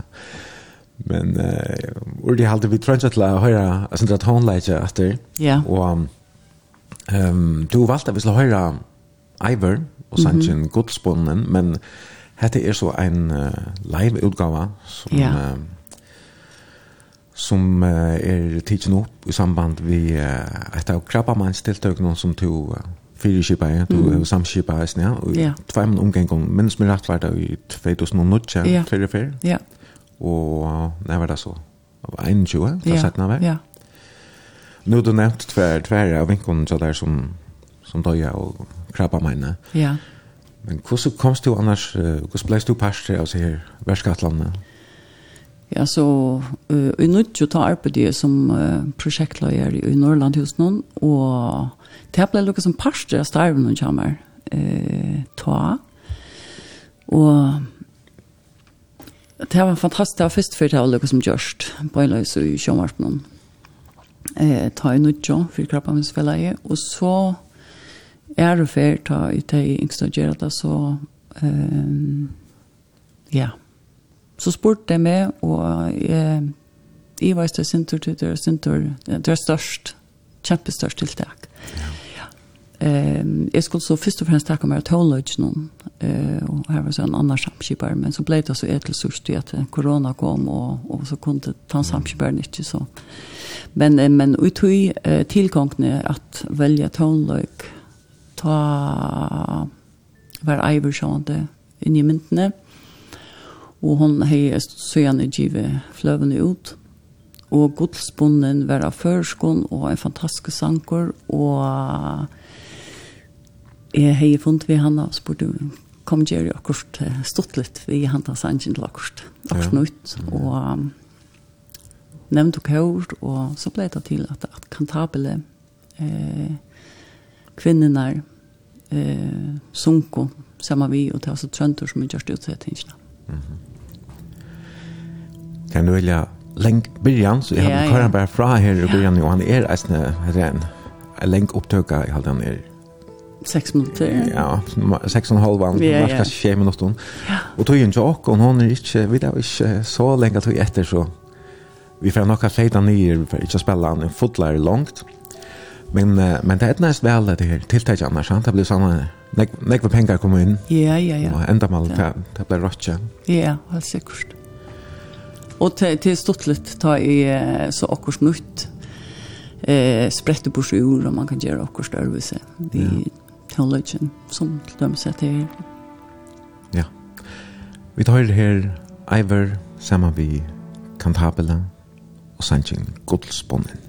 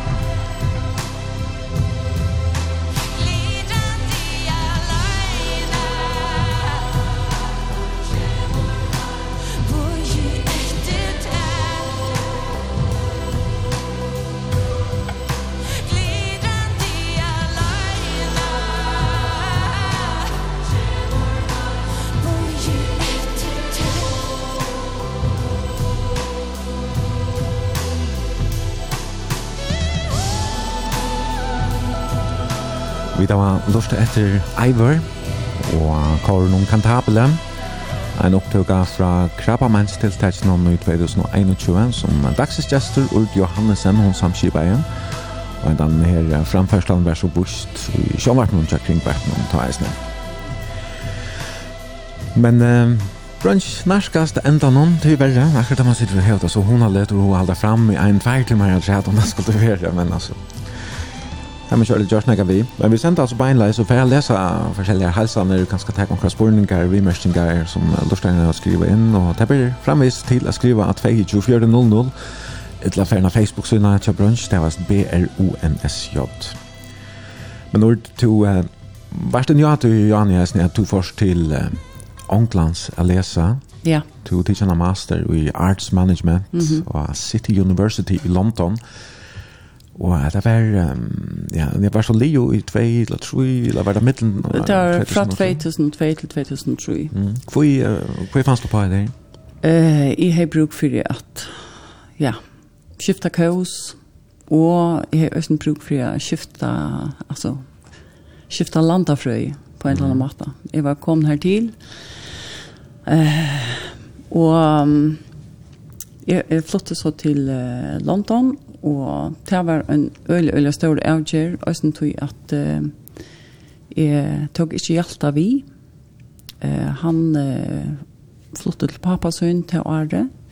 Man kan si at det gode, vet du, var at uh, i England er det tre semester som han er lenge jøleferie og lenge påskeferie. Så mm -hmm. da kunne vi være sammen, men men uh, til et traumatisk vel, traumatisk vel, som, uh, og jeg minnes det ikke en gang hvordan jeg kom til London, eh alltså till väck mun minne okay. så traumatiskt var det att jag för vi vi såna som jag vet att vi som att det var bara vi på tjejer så det var en stor outcher och sjönde ehm um, så som är sucht där själv och har bruk för förklara att det var till att att jag tar emot möjligheter att vara samman om man gör det. Ja. Eh men Jeg flyttet så til London inn i et lite kollegivørelse, det var 8 kvadratmeter, fra at jeg var i huset i havn, og det var størst omskifte. Jeg minns der, her var en sång, og sången la et loppelerk, det var sånn kjærlig hoa litt, eh, eh, og Men det var utrolig... Altså, en loppelerk? Uh... Ja, så jeg sa at, at hvis det var lopper sånn, så, så Bitte det ikke, det er sånn no. plastiklærk. Ok, ok.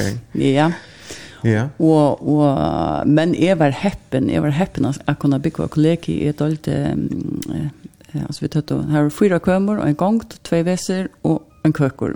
Mm. Og her var det tve ur Grekenlandet og en ur Portugal, det var et nekt yngre enn jeg. Ja. Altså mist, mist du gjør yngre enn jeg. Og det første jeg husker, det var, jeg må ha gryter og sløyver er leip ut av gøttene i London. Han løyde etter tog. Det var ikke bare som å si det. Nei. Eh, og hinne tror jeg for å utkjøpe en mikroovn. Ja. Han levde jeg li og tretton og så. Ja, ja, ja, ja. Men kva, ja, gjør det du som helt för grunden eller først du ja. til mikron og sagt eller. Ja, det det var akkurat det här är okay. men men för att jag vill gärna veta kvart det går i munnen jammer och mm. ja.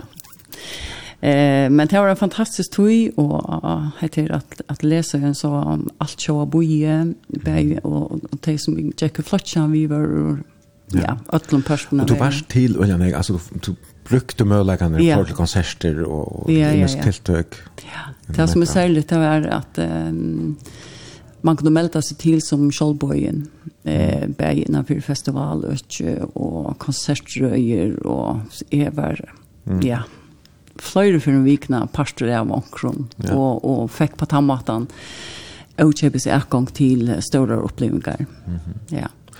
I 2004-2005, da var du verskattlande leier, og det var et, et alit om rytmisk tonläge i fyrjon som som skulle göra stora sätt att standa fyrir du, Mm. Det var ombi og omsidig av menningarstovene. Ja. Og det var et kveld her du Jack vi temse om at det faktisk uh, yeah. at, at, at det hendte at du fikk ja. disse oppgavene. Ja.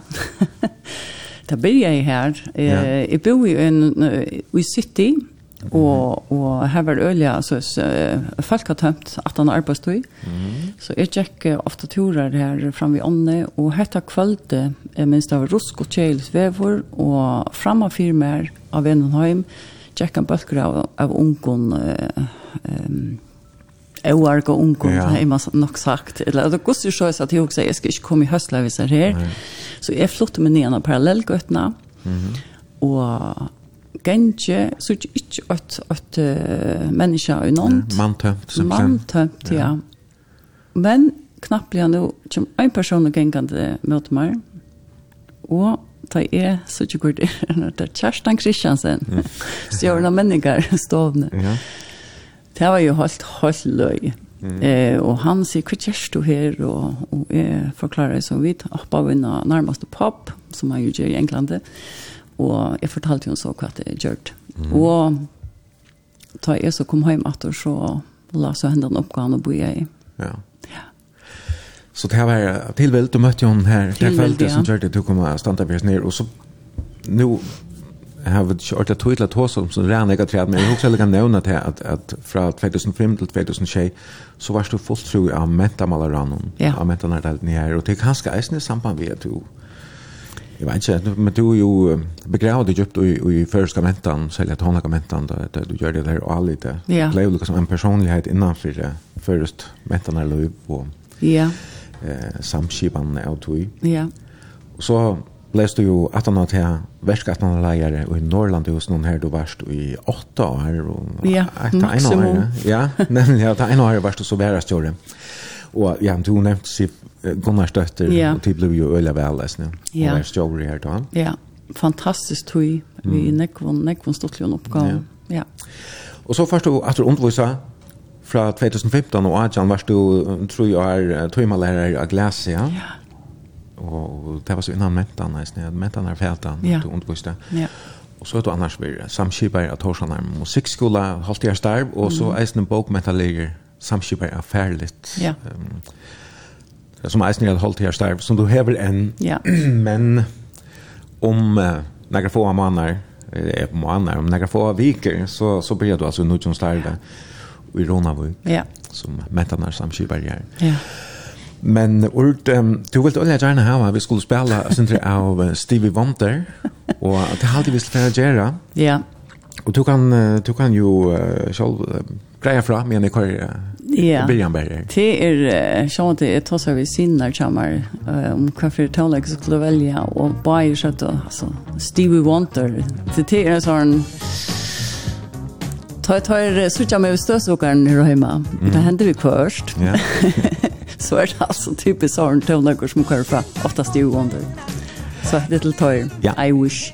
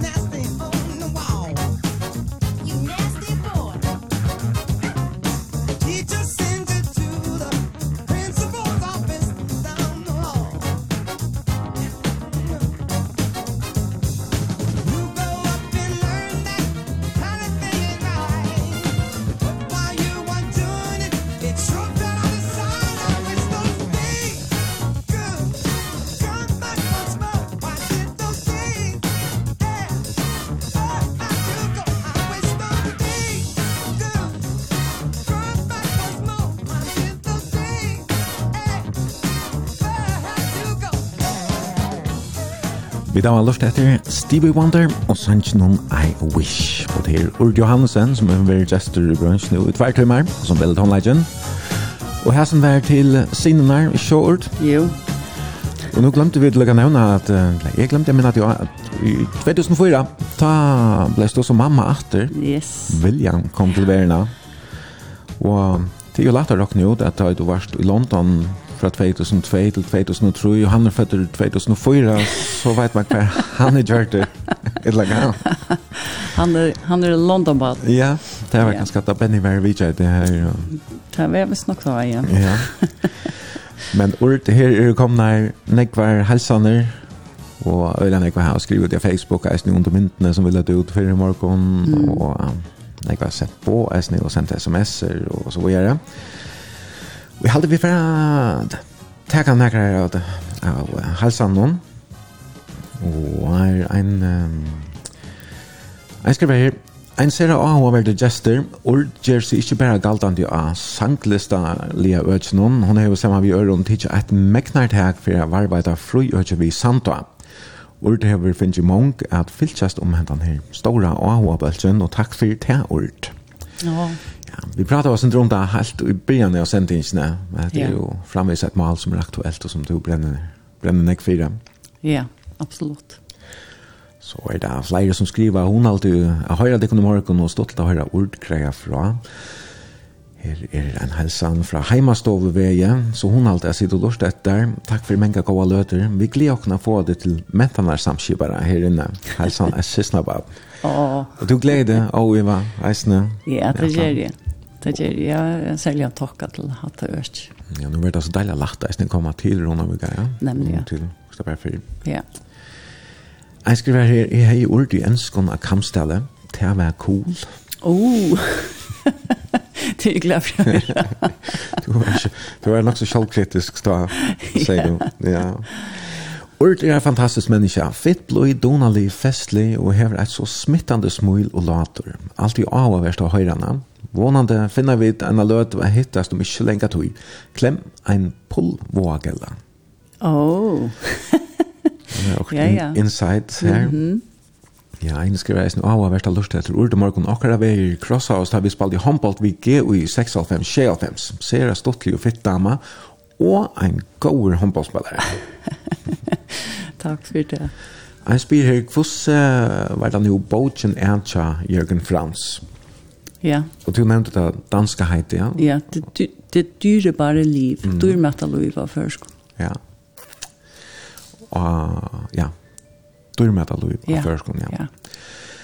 Men ord, um, to... Uh, Hun var akkurat lysen forresten i, i Udvarsmån nå. Som framhalds, ja. så va? Ja. Ok, ja. så spørningen om hun ligger hjemme så inn i eisene. Sikkert.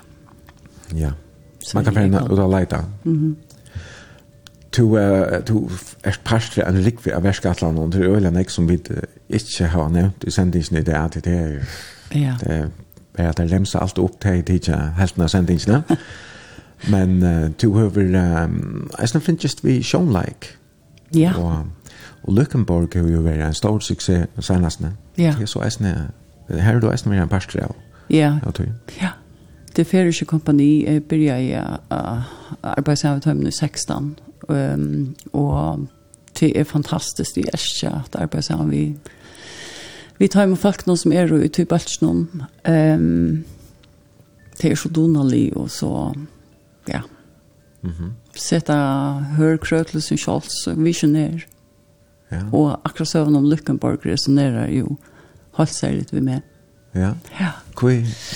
Um, jeg husker ikke om, om Øssur Å oh, ja. Ja, Eh Fast det kanskje ikke ordentlig ja. passa inn. Mm. Ja. Nu du nevner Össur. Ja. Så hei du uh, du har reisen valgt en lær vi honom. Vi skulle ha spalt av längre tid sedan. Jag rätt att det passa in. at för att det passa in. ja, det nämnde jag till. Ganska väl ja, att vänta det. Problem inte men jeg, jeg har kvar fra som det är backgrunden. Ja. Jeg vil det som det är Ja, jeg har alltid hatt så flott. Fantastisk. Det har jag alltid ett annat klassiskt liv det alltid. Ja. Det lägger torture. Låt du lägga höra. Ja. Och lite av det där.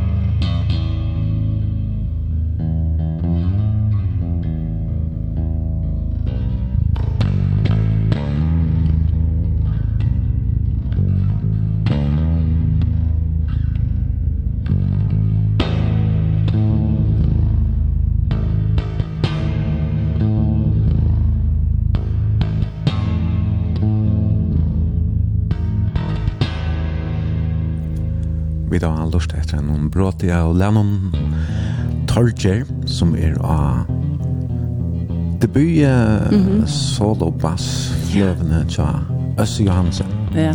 Lukla bare tja ord. Øsse Lars Menek, mm. ikke, men, ikke minst, her han tampa mørkene fire kvart kvart er mulig, ikke mulig, kvart normalt, kvart er ikke normalt, eller kvart, kvart skal du gå tak, ikke gå takk. Nemlig. Ja. Annars alltid den her Det är det läge rullar väl till upp band. Jo, ja. Kus vad det.